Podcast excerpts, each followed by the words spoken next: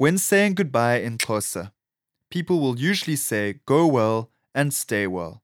It is usually more polite for the person going to say stay well first. Otherwise, it sounds like the person staying is trying to get rid of the person leaving.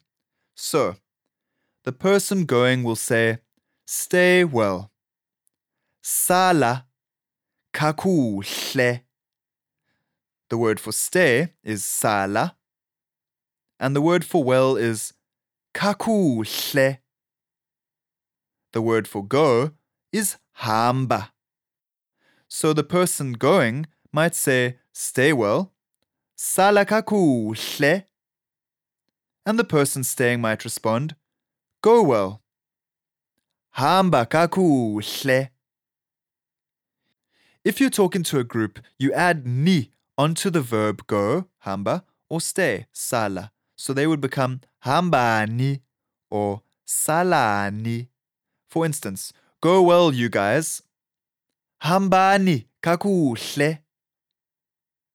Stay well, you guys. Salani kakuhle.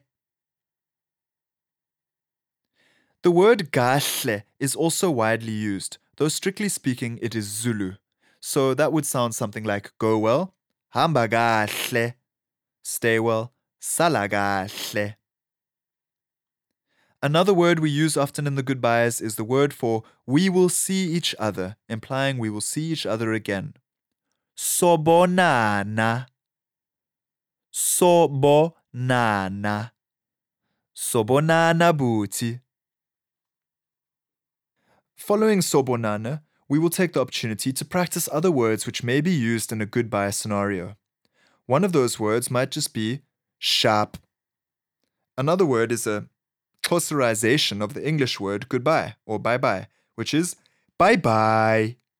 And if you were talking to a group, you would say bhayibhayini.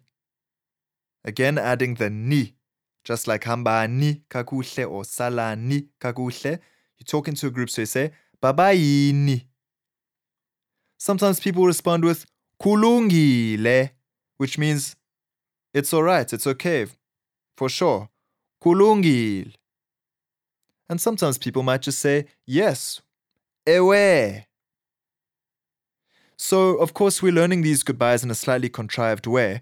Uh, for instance, hamba kakuhle, sala kakuhle, sobonana, bye bye, sharp.